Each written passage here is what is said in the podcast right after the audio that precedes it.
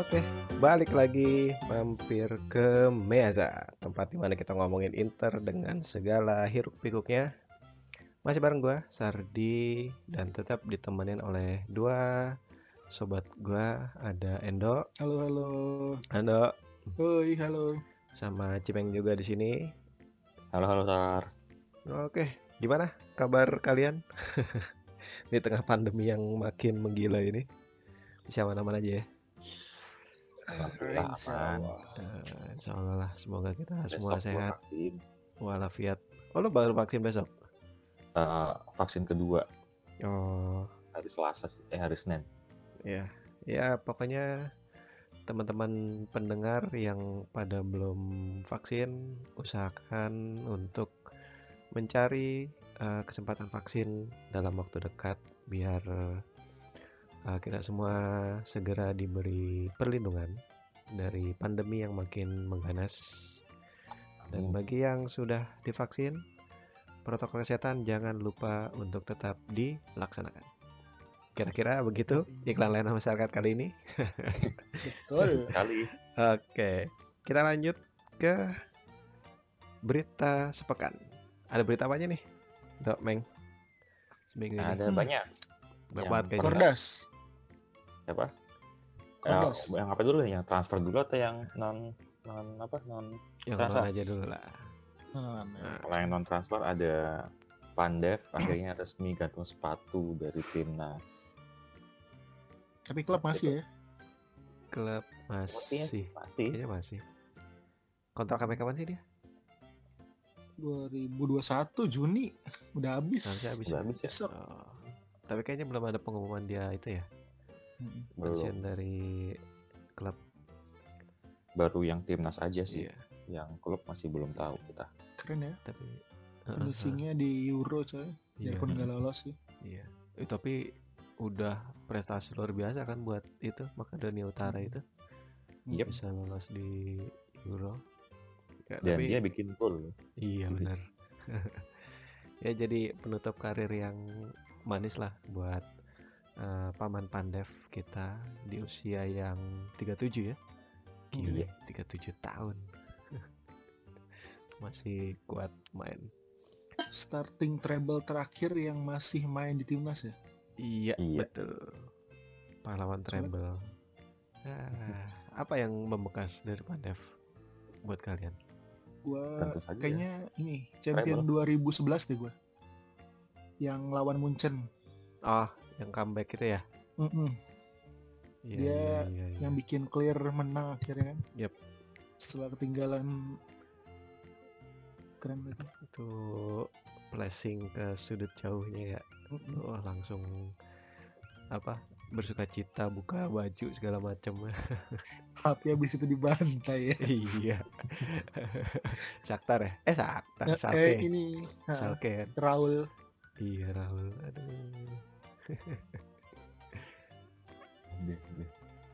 Oke, lanjut. Berita selanjutnya Lanjut. ada Berita selanjutnya ada berita kalau otoritas kesehatan Italia membolehkan adanya penonton sampai 25% dari kapasitas stadion. Ya, ini jadi ini sih, jadi berita bagus sih bagi klub kan. belum belum tentu men kita tunggu lagi nih Kenapa? keadaannya segini Iya. dunia sekarang Bener sih. ini ya Delta dan Delta Plus ya. iya ampun deh Real time Aduh. injury, eh, fleeting contact langsung kena. Iya, betul. Tapi, Tapi makanya sebelum- ya, Tapi seenggaknya udah ada inilah, udah ada ada angin Arahnya. segar lah. Heeh, harap harap udah ada harapan lah. harapan karena ada vaksin lah ya. Vaksin kayaknya udah mulai massal kan. Iya, Italia udah berapa persen sih vaksin? Tahu Ah, nggak nggak tahu deh. Tapi kayaknya mereka udah santai ya tidak ada berita-berita Iya. masih udah terkendali lah mungkin gitu Iya. biasanya Kalau entah mungkin itu entah mungkin karena beritanya pindah ke mana ke US atau India kan yang tapi kalau ke googling sih dia udah 28,6 persen dari populasi yang divaksinasi lengkap. Kalau yang Hmm. satu dosis udah 54 persen, udah Hmm. setengah. Ke setengah. Ya wajar lah. wajar wajar. Gitu. Ya semoga lah biar pundi-pundi klub bisa kembali menambah bertambah Iya, kesian Biar- masa kita mesti ngutang lagi sih.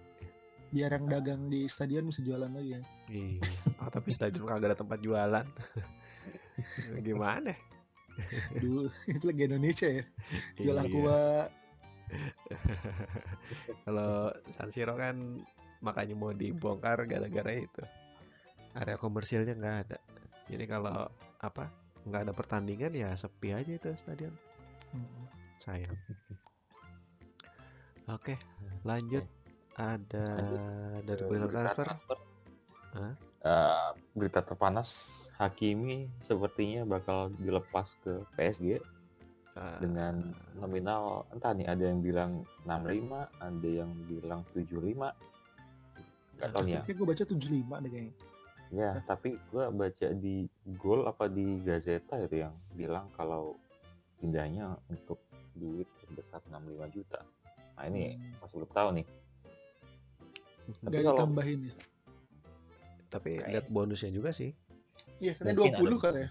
Ah, mungkin mungkin ada bonus-bonusnya pasti kayaknya kalau untuk 80 juta langsung kayaknya berat nggak ada yang mau bayar segitu kayaknya bahkan sekelas itu ya sekelas Hah? PSG ya iya Posisinya PSG siapa sih sekarang? Yang posisi posisi Hakimi di PSG. Florenzi kan tahun kemarin tapi nggak Oh. dipermanenin Oh, nggak permanen ya? Nggak. Oh, kayaknya nggak nggak ditebus ya mungkin karena ini yakin dapat Hakimi ya buat Oh, apa iya. Mm-mm. dapat upgrade yang sangat upgrade luar biasa ini calon back kanan terbaik dunia nih Apalagi Iya. strikernya kan. oh iya? Icardi ya Mauro Hei, Anda harusnya bersyukur Icardi dibeli PSG Iya, dapat jadi Juve ya. punya duit iya tanpa PSG kita kayaknya makin susah Iya. duitnya Iya. Tapi jadi ini ya, gue jadi mikir ketika ngelihat PSG sama City mengincar banyak pemain-pemain mahal tahun ini. Ini FFP apa kabar? PSG City sama Chelsea lah ya. Chelsea, Chelsea. Kan katanya mau Chelsea. Haaland tuh dia. Haaland. Heeh. 150. FFP apa kabar nih? City katanya Ken 100. Terus Jack siapa? Jack Grealish Jack Grealish 100, 200 coy. Juara. Ka- di kala pandemi nggak ada penonton pandemi. mereka Ya. masih bisa bayar segitu Wah, Ya, gila lah itulah. Oke, lanjut lanjut ah. Ya, Jadi lanjut ya. gibahin klub lain. Oke, ini ada berita yang entah ini gue nggak tahu nih ini benar atau enggak nih. Jordi Alba katanya mau diincar dan Barca minta tukar Bastoni. Itu kayaknya dari ini sih media Spanyol ya sumbernya kan, kalau nggak salah. Ah. Ya, dia. gimana ya? Ya Ya. semoga nggak buta aja Marota atau Silva Ah. gitu ya. Maksudnya Kayaknya kalau kalau Inter yang sekarang kayaknya enggak deh. Oh iya, Iya. bukan Gua udah dulu udah ya. ya lebih lebih pintar lah. Ya kayak Karini tuker Cannavaro gitu. Karena ya. Faro gitu ya. Aduh. Francesco Coco tukar Sidorf ya. Oh iya itu ya.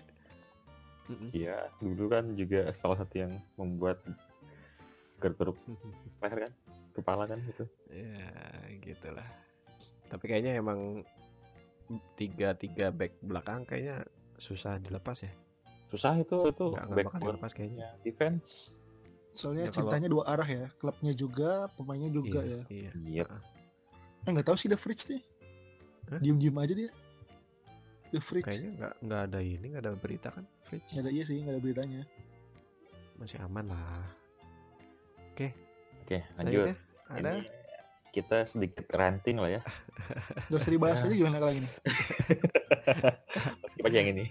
Ya, ini orang kok orang kok kayaknya bawa balak banget ya. Hancur. Bala. Udahlah harganya ditawar empat setengah. Sekarang klub yang nawar menggugat satu juta kan. Ini Iya. Balak banget lah ini. Ya kita tahu siapa dia. Sebut saja Mawar lah. si pembawa balak ini. Udah lanjut lah. Next. Oke, ini berkaitan dengan tema kita nih. Akhirnya akan resmi ke Inter kita syukur ya. akan syukur Akan Akan syukur. Anda umur berapa, Mas? Hmm, saya balita waktu nonton. Eh, masih ingat nomor punggungnya? Enggak. Hakan sebelum Alah. 54. belum empat ya Gede Ya. banget tuh orang lu ya. Iya. Ada Hakan lain yang resmi ke Inter ya? Iya Akhirnya. akan Hakan Unsal. Hakan Unsal. Apa lagi? Gua lu kagak tahu, Bang. Ada. Enggak. Sekalian waktu muda kan susah nonton kak. Mohon maaf. Atau ini Hakan Salihamidzic. Nah, Lebih tua lagi ya. itu lagi tuh Udah jadi direkturnya ini ya, Munchen. iya. bayar. Kan ribut kemarin. Hmm. Ya Hasan itu Hasan, Hasan bukan Hakan lah. Oh iya, Enggak ini lu ah. kan anaknya mau ditawarin kemarin. Oh, iya. Anaknya iya ya, yang Ada di- yang ngincer Dumfries tuh gue lupa. Terus ditawarin anaknya. Oh. Buset. Sampai rela jual anak loh. Perdagangan manusia, astagfirullahaladzim. Enggak bener emang. Ya, ya, ya oke. Jadi selain Hakan ada juga Alex Cordas sang anak hilang ya Setelah kembali. berapa tahun kembali dia? 18 katanya. Apa 20 ya? Iya. 20 20. Lihat Ah, interviewnya. 20. Iya, coba lihat interviewnya. Dia Buset. 20 tahun. udah 38 atau berapa nih umurnya? Buset. Tadi Inter IG-nya Inter Oh, setelah 20 tahun. gila juga. Pulang kampung. Heeh. Ya, nggak apa-apa lah. Nambah-nambahin slot home ground kan. Tapi menurut gua lumayan sih untuk umur segitu dia untuk kapasitas kualitas kiper tiga mah dibandingkan Bernie mah. Bernie kan ini apa? Mengentertain pemain-pemain lain kerjanya. Iya dia IO ya. Yoi. Musik. Ya, Gitu. Berarti ini Inter udah dapat dua pemain secara gratis di bursa transfer ini ya. yep. Si Calhanoglu sama Alex Cordas. Ya lumayan lah ya. Lumayan sih, yang patut diacungi jempol tuh gerak cepatnya itu sih. Iya iya iya. Itu apa bikin paling enggak klub bisa punya waktu untuk persiapan kan. Kiper dua ya yang masih tantanya ya. Iya. Heeh nih Nah, masih Radu masih belum ada itu ya, masih belum ada Banyak kabar. banget yang minat Radu. Hmm. Hmm. Stan- Stanford juga masih muda kan. Iya. Tadi belum tahu nih kiper nomor 2 nya siapa. terakhir siapa sih? Silvestri, Dragowski, Dragowski yang itu yang Dragowski ya. Silvestri udah tua ya gitu ya. Udah udah. Gue malah kaget si siapa si Dragowski masih muda. Gua- Muda, gua coy. Udah, tua. Muda dia. Efek sedikit ya, efek jenggot ya. Mm-mm. Iya bener lebat banget ya. Dulu nggak kayak gitu loh, Pak. nggak biar kelihatan garang aja sih. Iya. Oke, terus ada ini berita-berita ringan dari Inter. Iya nih Ada ada Brozovic si Epic Brozo. yang katanya makan salami 2 kilo sebelum final Piala Dunia, tapi masih bisa lari berapa belas kilometer gitu Salami tanpa ada daging gangguan. ya. Iya, Iya Gue betul. pikir salami mie instan. Mie, sari mie dong. Ada salami. Oh ada. Ada googling aja coba. Oh nggak tahu.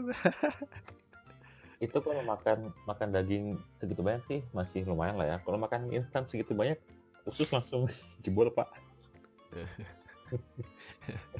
Set kilo. Ah, Memang lah orang satu ini penuh Itu- dengan Itu gue bingung dia tuh Pencernaannya bagus ya. atau crazy sih dia itu. Pencernaannya bagus berarti. Iya, iya iya iya. itu yang gue inget itu sih dia ada foto dia belanja di supermarket terus borong pizza beku coba. Siapa tahu dia mau Satu hayat. donasi, Meng. Astagfirullahaladzim. Di pesta pesta di rumah. iya, donasi ke anak yatim kasih. Anak yatim, iya makan bareng anak yatim kan. Siapa? Doa bersama gitu ya. Aduh. Terus yang kemarin tuh ada Lukaku bikin Q&A di Twitter. Hmm. Terus yang bikin gua seneng sih dia ditanya orang apakah dia bakal bisa nggak sih juara lagi dengan dengan siapa? Dengan aduh siapa sih?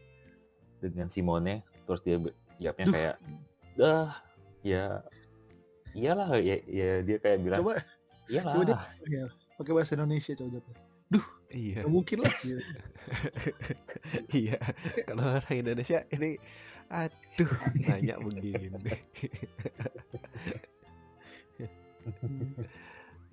ya semoga beneran lah Min, min. Yang penting tapi ngomongin, dia happy. Huh? Iya.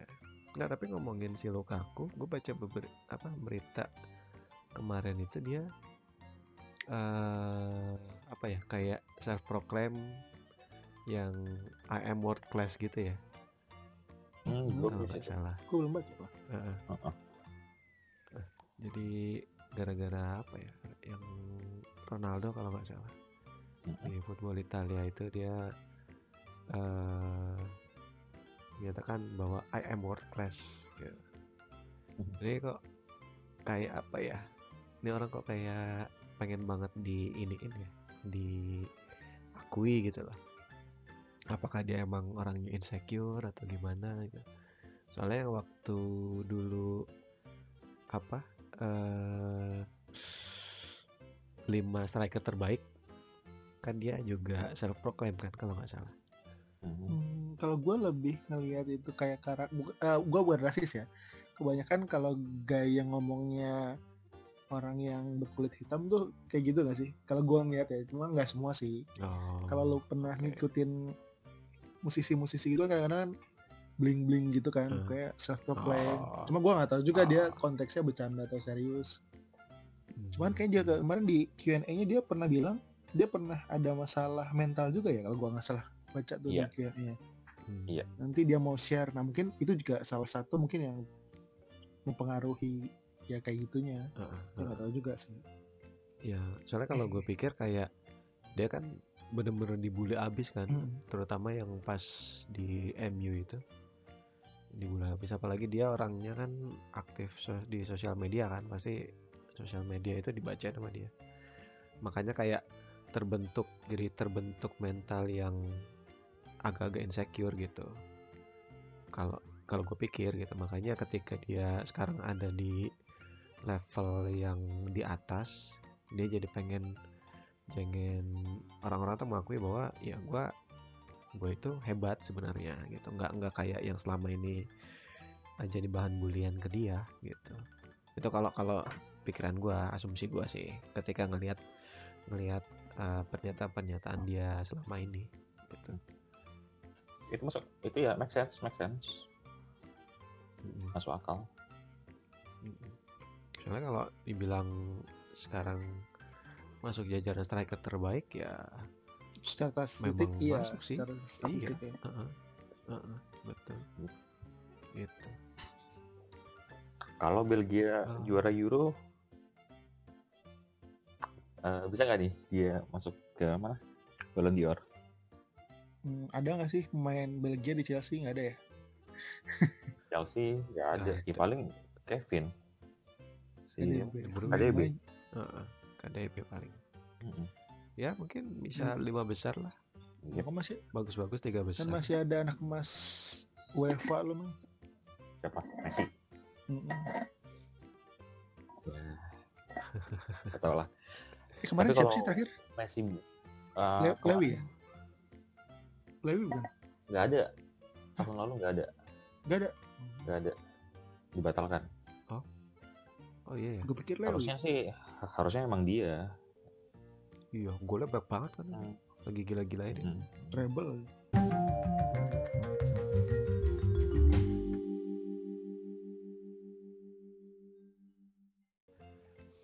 Oke, kira-kira itu berita sepekan.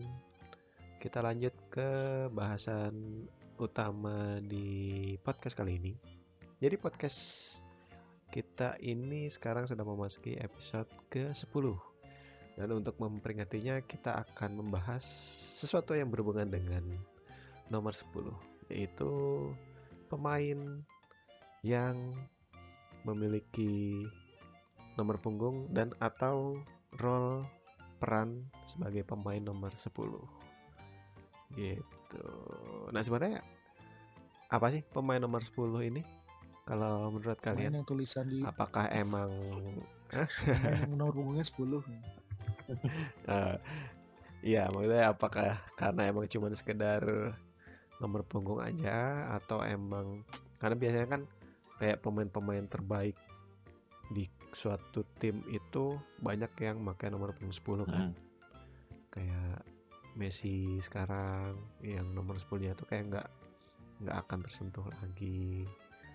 Terus kayak Dybala walaupun bukan yang terbaik ya. Masih ada Ronaldo tapi Ronaldo kan nggak mau ngambil nomor 10 gitu. Terus di di mana lagi? Di MU ada Rashford. Ya, entah pemain terbaik MU atau bukan. Tapi kayaknya memang pemain-pemain yang menonjol yang pakai nomor 10 itu. Iya. dan sebenarnya menurut kalian tuh nomor 10 itu apa sih? Sebetulnya gimana? Meng? Ah, oke. Nah.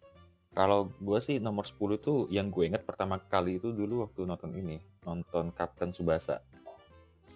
Itu di situ dibilang nomor 10 itu adalah pemain yang paling bagusnya di, di suatu klub. Dia kayak jadi motor serangan, dia yang punya visi bagus, dia yang punya umpan yang bagus. Terus yang gue inget Hmm. juga waktu gue baca apa intronya apa eh, manga apa sih lo? Judulnya itu Giant Skilling. oh ha, Di situ pernah dibaca kalau nomor 10 itu dia tuh bisa ngelihat lapangan itu dari kayak itu, kayak ngelihat kita di posisi layar. Jadi bukan dari dia orang yang main tapi kayak dari atas gitu loh. Dia Oh, dia bisa dia ini ya punya bird view ya, helikopter nah view itu itu Nah, itu. Dan dia punya visi yang bagus itu sih. Jadi nomor 10 tuh kayak jadi tumpuan tim gitu. Dia itu kayak eh, playmaker lah kalau kalau sekarang bilangnya. Dan yang unik kan itu kan nomor 10 itu kan kayak angka yang angka yang sempurna ya. 10 angka yang perfect. Terus gue baca-baca juga ternyata nomor 10 itu sejarahnya ya berawal dari kebiasaan formasi tim untuk pakai 2 3 5 dan di dinomorin dari bawah ke atas. Nah, nomor 10 itu pas di posisi yang emang itu emang jadi emang jadi apa? Nyawa. Pusat Iya. permainan. Itu. Jadi ya kayak menarik sih kayak sebuah coincidence yang unik. Ya kalau yang sepenglihatan gue sih kurang lebih sama ya. Playmaker tuh ya ya kayak istilahnya otak ya kontrol Hmm. aliran bola tuh gimana misalnya butuh apa gimana dia adalah terus ya visinya pasti bagus tapi kalau yang se- setelah gue melek bola eh sedikit melek bola gitu ya palingan kebanyakan di posisi 10 tuh playmaker atau gelandang serang ya kayak kalau nowadays ya Mhm. Iya, tapi ya di eh kebanyakan mereka ya tetap gitu sih. Perannya nggak jauh-jauh dari nomor 10 ya itu. Bisa visinya bagus lah, bisa tahu harus up bola ke mana. berarti lebih banyak di depan ya Tengah ya. tengah ke depan tapi gimana dengan William Gallas Nah, itu anomali aja. back dengan minta nomor 10. back dengan nomor punggung 10 tapi emang sih apa nomor 10 itu identik sama pemain-pemain eh yang menjadi pusat permainan ya jadi pusat permainan tim gitu. mulai dari zaman tapi dulu Pele itu Pele itu 10 juga kan ya Iya. tapi dia posisinya striker jadi kayaknya emang eh antara striker playmaker atau eh, pemain-pemain yang mengontrol permainan dari tengah itu kerap kali memakai nomor 10 ya. Mm. karena banyak yang striker tapi dia pakai nomor 10 atau misalnya gelandang yang pakai nomor 10 nggak nggak mesti eh, siapa pemain terbaik di tim itu ya. Mm-mm.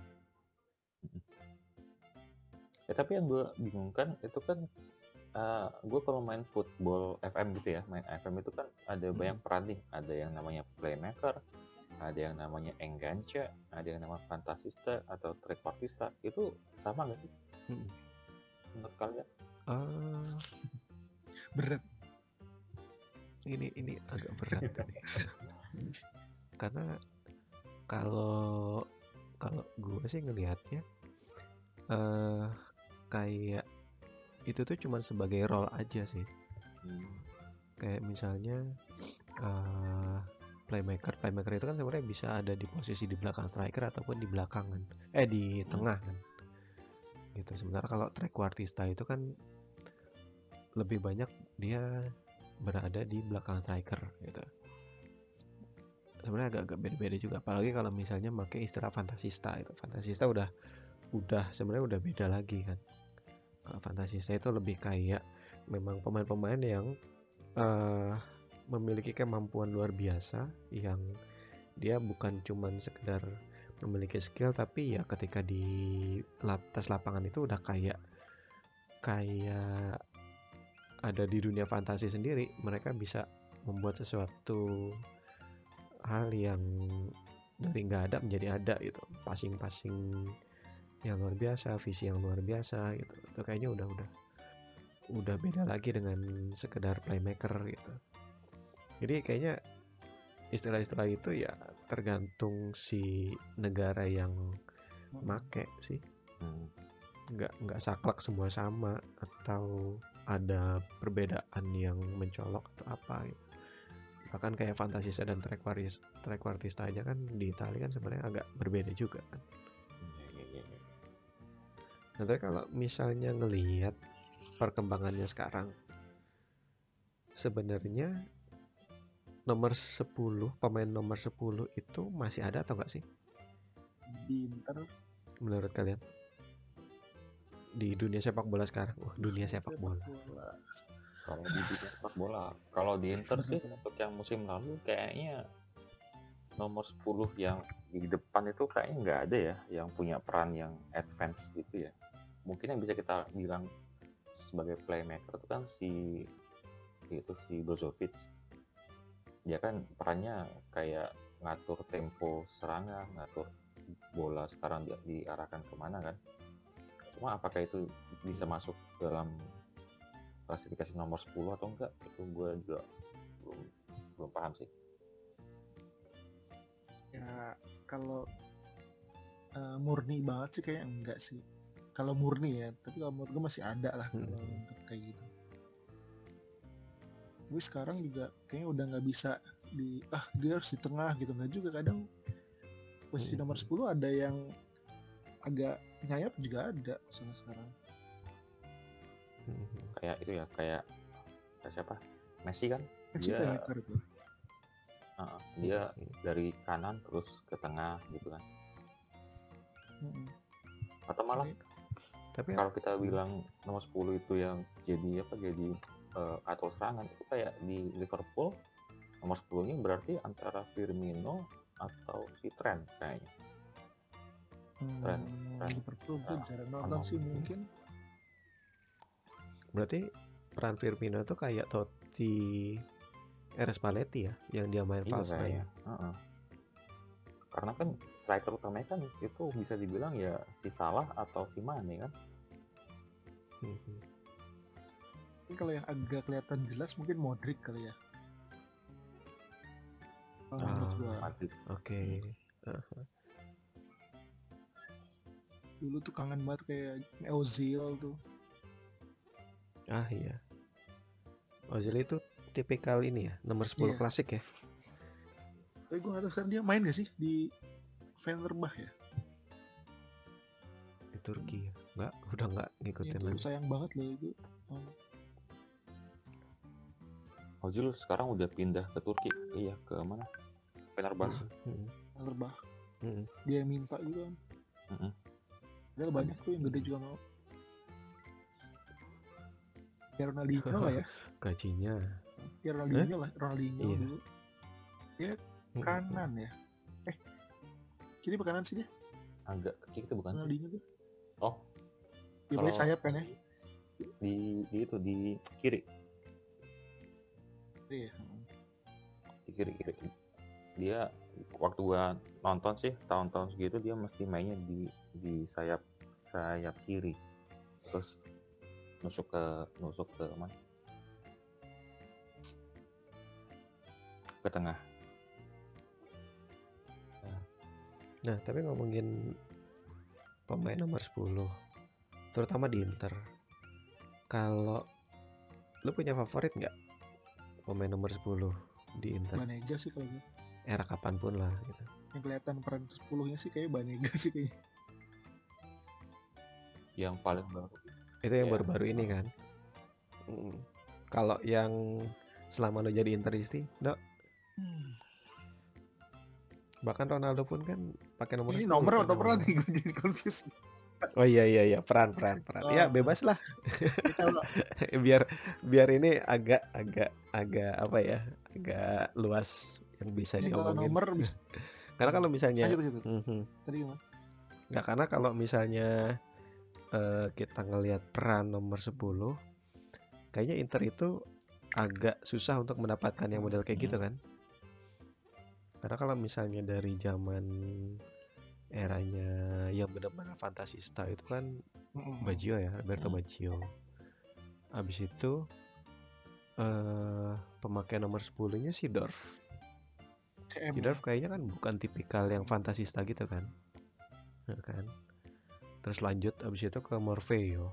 Morfeo ya bagus di Parma doang waktu itu. Hmm. Tapi nggak nggak ini juga. Terus lanjut ke Adriano. Oh, Ya? nomor kan Nomor kan Ronaldo kalau nomor habis Ronaldo? Morfeo kan Gio kan Ronaldo Hah? Apa? gimana sih gimana no, ini nomor dulu gak Gak gak gini gini gini. Ayo, sekarang. Bingung. Gue ulang deh, gue ulang deh. Kok jadi bingung? Gini, pertanyaannya adalah siapa favorit eh, pemain dengan nomor punggung 10 atau yang punya peran nomor 10 di Inter? kalau gua nomor jelas Ronaldo lah ya.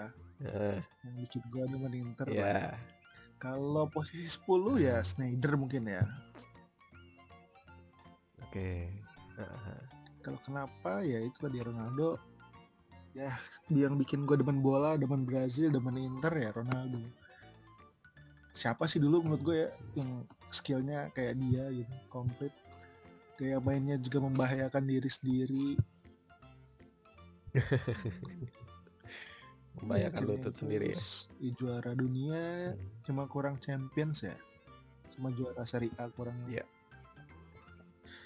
Hmm, kalau Snyder ya dia worth banget sih waktu 2010 harusnya Ballon d'Or biarpun akhirnya diambil ya. Udah nggak ada komen lah waktu itu 2010 musimnya dia perannya juga oke banget Oke. udah gitu aja mungkin Kalau gue untuk kalau Endo kan bilang yang pakai nomor punggung 10 kan si itu si Ronaldo kan ya. Nah, kalau gue untuk yang Hmm. pemakai nomor punggung 10 yang gue suka itu adalah Sang Adriano. Karena Hmm. Adriano itu di masanya ya, ketika puncak-puncaknya itu kan dia kayak apa sih? Kayak beast, kayak seorang binatang buas Hmm. gitu kan. Dia punya fisik Hmm. kuat, larinya lumayan kenceng, terus shootnya gila itu kan. Itu kena shoot Yep. kalau ditangkis apa tangannya entah selamat selamat atau enggak itu tuh tangannya kan. Nah, itu yang gue suka sama Adriano dan dia pakai nomor 10 kan pas pas di Inter cuma Hmm. karena sayangnya ada kendala keluarga dan mungkin juga kurang disiplin dia masa-masa prime-nya itu pendek lah. Padahal ke- kalau dia bisa konsisten konsisten dalam jangka waktu lama itu dia bisa jadi raja sih itu. Hmm, Iya. Raja sepak bola ya. Ada kayak di Subasa ya Raja Ini nggak sih si Zlatan kan sih? Dia Zlatan kayaknya pernah bilang kalau Adriano itu punya skill kayak Ronaldo dan fisik kayak Zlatan. Iya. jadi kayak perpaduan yang yang wah gitu yang bagus banget. Tuh. Terus kalau untuk eh, pemain dengan peran nomor 10 yang gue suka sih ada dua sih yang pertama sama kayak Edo si siapa? Si Snyder terus yang kedua adik eh asuh eh salah bentar Kovacic. Hmm. Eh, kalau yang Snyder gue sukanya waktu dia waktu puncaknya di tahun 2010 itu kan dia selain membawa Inter treble juga dia bisa pandai ngatur serangan, umpannya bagus-bagus, terus free, free, free kicknya juga keren-keren kan. Tuh Hmm. Inter jadi kayak punya pemain hebat yang bisa jadi tumpuan tim lah istilahnya. Dan Hmm. memang harusnya itu tahun 2010 tuh dia yang menang yang menang yang menang FIFA Ballon Ballon d'Or sih Tuh. sedangkan kalau Matteo Kovacic yang gue suka waktu dia di Inter dia pakai nomor 10 juga ya Hmm. Itu yang gue ingat itu itu sih umpan umpannya sih. Umpan umpannya itu kayak membelah defense banget sih dari dari arah yang kita sendiri nggak bakal tahu bahwa itu bisa di bisa bikin bisa bikin chance gitu. Itu yang gue suka sih. Hmm. dari Kovacic terus masih masih muda kan waktu itu masih belasan kan ya? 18 kan? Iya. cuma ya sayangnya karena masih muda dan mungkin juga belum bisa menemukan jati diri dan pas itu Inter pas lagi butuh duit ya? atau apa sih itu Hmm, butuh. pas itu butuh duit akhirnya Jadi di butuh. FFP bukan? Orang ini kok FFP. iya sih iya sih tapi ini dijual terus beli kondok bia dengan harga yang sama itu. Gas-gasan sama Milan waktu itu ya, kondok biaya. iya iya Jadi Eh, apa sih banget lah musim itu begitulah tapi Kovacic malah sekarang udah empat ini ya empat gelar Iya. Liga Champion ya Gile. Iya. udah sama kayak Maldini Iya. ya.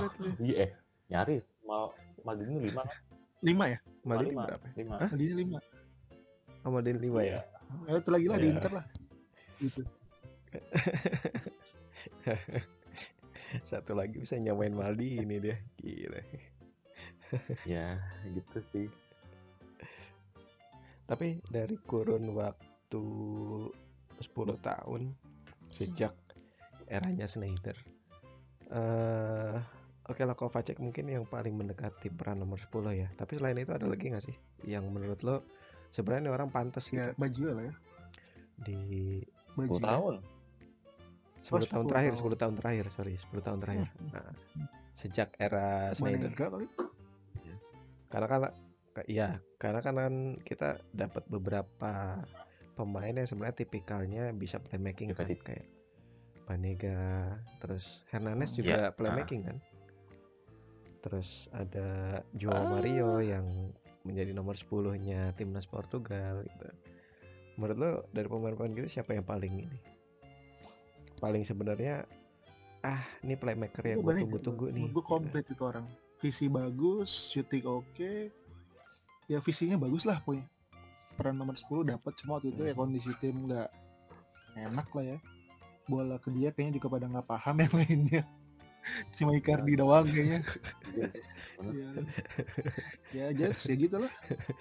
Orang banyak banget dan Sedia nggak nggak punya tandem ya? Berapa musim sih dia semusim ya kalau salah. Hmm, semusim. Sevilla langsung lagi. dijual balik ke Sevilla 8 juta ya kalau nggak salah. Gue buat pernah dapat kok ini kalau salah baca waktu itu. surplus. Salah satu big apa ya saya seharusnya kesalahan terbesar yaitu buang Wanega. Padahal Hmm. mungkin kalau misalnya akhirnya permainannya bisa berubah mungkin Banega lebih berguna lagi. Karena di masa itu emang benar-benar nggak punya playmaker mainnya ya. nggak jelas ya kan mainnya bawa ke depan kan ini crossing and insya Allah untung ada Icardi kan waktu itu kan Hmm, hmm. coba kalau nggak ada dia kan udah lah Selain Banega ada lagi nggak sih? Kayak Rafinha itu sebenarnya playmaking nggak sih? Hmm, hmm, Eh, Rafinha sih mungkin peran playmakingnya dia nggak nggak se nggak sebesar itu sih nggak sebesar Ever Banega kayaknya ya. Dia kan kayaknya lebih fokus ke depan dan Hmm. kayak semacam penghubung serangan serangan aja sih. Sama kayak sedikit sedikit nusuk sedikit sedikit umpan umpan apa? Terobosan kan? Lebih trequartista dia. Mm-mm, Ah, oke. kayak gitu Iya iya iya. tapi kan apa Sam- ya cuma sayang aja sih yang waktu itu si Rafinha nggak nggak bisa ditebus kan. Soalnya kan yang gue ingat dari dia itu kan dia kayaknya dapat sa- sambutan yang bagus kan dari fans. Terus juga dia juga kayaknya pingin pingin stay kan pingin stay di Inter. Tapi karena lagi-lagi nggak ada dana akhirnya dibalikin ke Ba- ke Barca. Dia bareng Cancelo ya? iya Iya. dan 40 juta juga kan? itu Rafinha musim depannya bikin gol nggak sih yang kita yang Inter lawan Barca itu Golin. Golin non Inter deh Golin seinget gua. ada Coba lihat Inter. makanya ada sedih juga sih Nggak jodoh. Lagi-lagi nggak jodoh ya. Nah ngomongin nggak jodoh, kita akhirnya punya satu pemain yang menurut gua adalah salah satu pemain nomor 10 modern dalam diri Christian. Eriksen. Setuju nggak kalau misalnya Eriksen itu eh, pemain nomor 10? Setuju. Setuju banget. dia kan waktu di Spurs ya memang itu kan perannya kan Hmm, hmm. atau serangan Betul. ngasih umpan ke Kane atau ke Son atau enggak kalau ada peluang nembak dia nembak dari luar kotak Yang secara skill pun emang ada nomor 10 banget komplit. Hmm, hmm. Sepakat. Cuman lagi-lagi kita tidak berjodoh. ya Sebenarnya terkutuk nggak sih? Nomor dan Bahasan tadi ya, Yang ternyata 10 ada yang lebih terkutuk daripada back kiri yang kita bahas sebelumnya.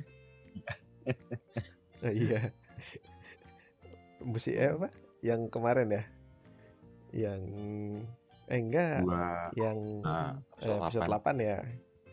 Episode 8 kan kita mengasumsikan bahwa bek kanan itu terkutuk. Ternyata ada yang lebih terkutuk lagi dari bek kanan itu bek kiri. Sekarang ada lagi yang Pernah lebih terkutuk lagi. soalnya.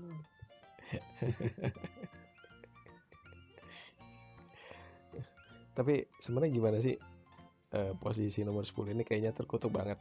Ada yang tahu nggak ceritanya? Oke. Sil- Silakan Be dimulai dulu Be. Berat ini berat nih.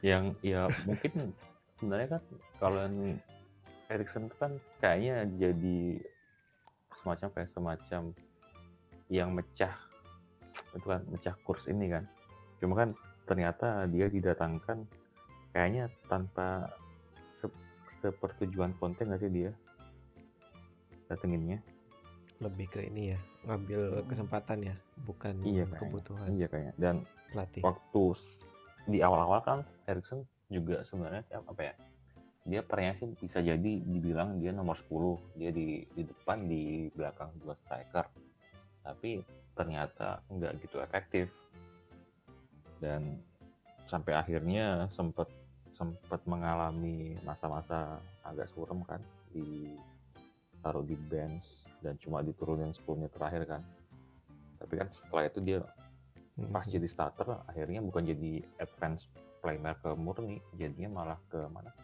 ke Mezzala yang yang nggak gitu maju kan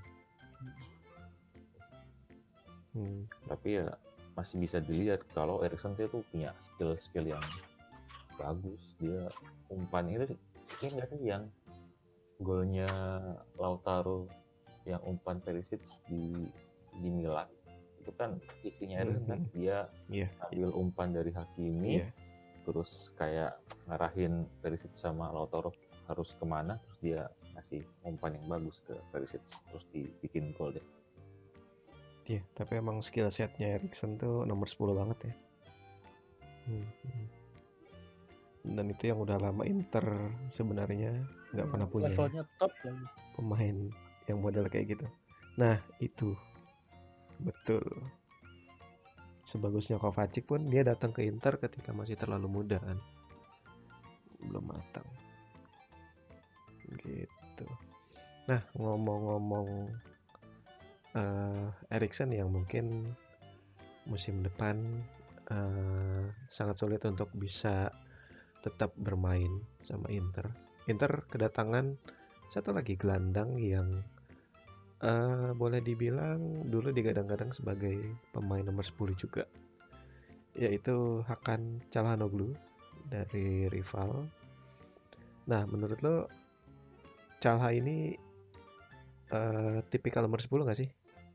ya terakhir-terakhir sih emang posisinya 10 ya balik lagi posisi rootnya kayaknya sebelum dia di Milan kan di mana Mhm. Di Leverkusen kayaknya dia emang Leverkusen. posisinya posisi nomor 10 ya awal-awal di Milan kayaknya Mhm. kemarin kita bahas agak nyayap ya kiri dan nggak kelihatan Iya. akhir-akhir ini setelah mulai balik ke posisinya nature-nya kayaknya udah mendingan sih biarpun emang kalau secara statistik Nah, maksudnya statistik gol sama assist sih nggak terlalu banyak ya cuma kalau lihat statistik lainnya untuk posisi nomor 10 sih oke kan ya masuk salah satu yang menonjol kalau statistik ini ya eh, peluang tercipta ya chance created. ya chance created-nya kemarin juga bahkan di Euro pun masih Hmm, salah satu hmm, yang hmm. tertinggi dia Tapi kan eh Inter akan bermain dengan 352 lagi nih. Eh, menurut lo kekuatannya Calhanoglu akan terpakai nggak sih di posisi ini? Di formasi ini? Kalau kita lihat kan kayak Erikson kemarin kayaknya 352 352 nggak terlalu terutilisasi kan kemampuannya Erikson gitu. Menurut lo apakah nanti Calha akan sama kondisinya atau mungkin akan berbeda?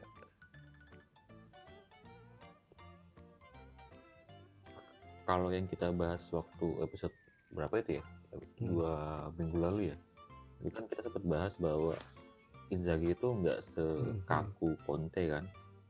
Dia dia masih ngasih eh, itulah apa freedom ke Hmm. ke anak buahnya. Dan bisa jadi walaupun skemanya itu masih tetap sama pakai berapa? Hmm. 352 mungkin juga eh, si Calha bakal dikasih peran yang lebih bebas yang lebih maju jadi eh, walaupun di atas kertas itu pakai peran eh, lima lima gelandang tapi bisa jadi nyatanya itu jadi empat gelandang satu gelandang gelandang Ah, serang itu Oke oke. itu Tapi apa? Eh, tapi ya baik lagi kita bakal Hmm. masih menunggu apakah Inzaghi bakal pakai skemanya dia di Lazio atau di, mungkin dia bakal Hmm. bereksperimen lagi. Tapi menurut lo kekuatan utamanya Calha yang bakal bisa sangat apa ya terpakai di Inter saat ini tuh apa ya? Karena kan yang kita tahu kalau dulu zaman dia masih di Jerman tuh free kicknya kan luar biasa kan. Kalau misalnya kita googling Mhm. Calhanoglu pasti yang keluar adalah 10 best free kick atau apa pun yang terkait dengan free kick kan. Tapi ketika mm, Hmm. dia di Milan kayak kemarin ada eh, rangkuman eh, golnya Calha ketika di Milan cuman ada tiga dari 20-an gol yang dicetak lewat free kick gitu. Nah ada nggak sih eh, aspek lain dari Calha yang menurut lo bakal jadi kekuatannya dia di Inter? Mungkin ya itu tadi yang kita bahas tentang eh, peluangnya itu tentang passing-passingnya Chance berarti ya? kan iya pas maksudnya kan eh, s- mungkin agak-agak jokesnya di Twitter kan Calha itu asisnya kecil karena ketika dia bikin umpan di depan itu nggak ada yang bisa. Iya, nggak ada iya. yang bisa itu. Nggak ada yang bisa itu apa eh meng, meng, meng, meng- meng- apa sih ah, nggak ada yang bisa mengakhirinya yang bisa finishing kalau sekarang kan dia di depan ada Lautaro atau Mhm. Romelu kan macam itulah upgrade lah buat dia itu paling gue sebenarnya malah sebenarnya optimis sih. karena kalau kita lihat dia waktu di Lazio kan perannya kan Mhm. Alberto ya. Luis Alberto lah ya, playmakernya. Itu kan hidup banget dari yang ya siapa sih yang mungkin nggak banyak kenal Luis Alberto sebelum di Mhm. Lazio. Malah dia sekarang jadi dynamite banget sih menurut gue. Makanya pan pas yang mungkin salah satu yang bisa dimanfaatin kan Erikson tuh mungkin bisa keluar dari kemarin perannya waktu di Conte mungkin Calha juga kayaknya masih bisa lah menurut gue. Kalau untuk lihat cara main Inzaghi di Lazio ya kalau dipakai itu ya. Calha. Bisa lah ya jadi nomor 10 Inter yang baru. Ya mudah-mudahan Iya. gaya mainnya cocok juga sama. Tapi kayak kemarin itu gua sempat baca juga. Iya dia emang secara skill bagus lah. Tapi sebenarnya ada beberapa hal yang bikin Calha itu sebenarnya duri dalam daging juga. Jadi terutama dalam sisi inkonsistensi dia di Milan gitu. Dia orangnya katanya sih moody kayak Brozovic. Jadi kita mungkin bakal punya dua Brozovic di tubuh Inter musim depan gitu. Tapi selain itu, lo lihat ada kelemahan lain gak sih dari sisi Calha? Ya Nonton di Milan gue. Mm. Jarang nonton di Milan dia. Cuma Paling ya- derby jarang ya kelihatannya. kenapa Sepanjang derby kayaknya gue jarang melihat perannya sih emang. Gak tahu karena marking pemain kita atau nggak cocok taktik di sana kan. Kalau gua malah waktu derby ngelihat Calha itu lumayan jadi itu sih ya takut kan. motornya Milan dia bisa nusuk dia bisa dribble bisa, bisa nahan bola bisa ngasih umpan Gue ingat Itu ya, ya. tiga kosong itu sih. kalau itu sih ya Tapi lumayan Gimana dia pas itu. Peluang-peluang yang tiga beruntun itu kan salah satunya ada dia juga. Iya iya itu kan ya, ya kayak gue bilang tadi dia bi- bikin peluang tapi nggak ada yang bisa itu nyelesain kan Berarti dia sudah ada di tim yang tepat ya. Belum ya semoga lah. Karena kalau misalnya dia nggak perform ya kita punya siapa lagi? Nggak ada lagi. Tenang, ada Iya. mawar. Us akan membawa bala apa lagi musim depan ke Inter dia? nggak tahu lah dia nggak ada bilang mau balik Inter kan ya kayak- Kan dulu udah pernah dimaki-maki dan minta maaf tapi kayak udah diem aja. Di Serie A tuh pengalaman yang buruk. Hmm. Dia nggak bakal balik lagi. Salah liga ya tuh. Aduh. Main nomor 10. ya semoga musim depan kalau Inzaghi pakai skema yang sama dengan Lazio kita dan akan bisa konsisten kita punya nomor 10 yang bagus Yes. Atau kita punya Luis Alberto yang baru. nah tuh, tuh. Alberto Malesani. Alberto Malesani. Anda tahu dari ini ya? Anda tahu ketika dia melatih Parma ya? Gila. Aduh. Oke, ada yang lagi yang mau dibahas ya berat Itu ya episode ini berat. Alah.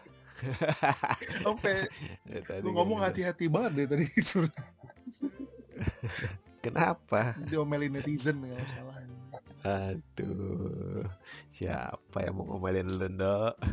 Ntar di mute gue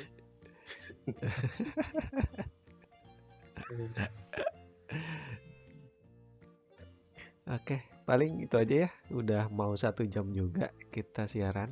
Siaran. Atau Iya, ada yang mau. Hah? siaran. Oh iya dong siapa tahu nanti kita ditarik ke radio mana gitu. Box to box FM gitu ya box to box FM Atau siapa tahu Inter mengundang kita kan? Inter Inter, Iya. Inter ID kan? Di ini I am podcast. Podcast inter kan ada juga. Gitu. Ya berharap saja lah oke paling itu aja ya. Untuk episode kali ini Eh, sekali lagi kami punya akun Twitter di @kemiaza di situ kita akan posting banyak konten-konten yang hanya khusus di Twitter aja. Jadi kalau mau eh, baca-baca atau mau berinteraksi dengan kami bisa lewat akun Twitter tersebut atau mau lewat email juga bisa ke di ke .meaza@gmail.com. Oke, sampai jumpa di episode selanjutnya minggu depan episode 11. Sampai jumpa lagi. Ciao. ciao ciao Ciao. bye bye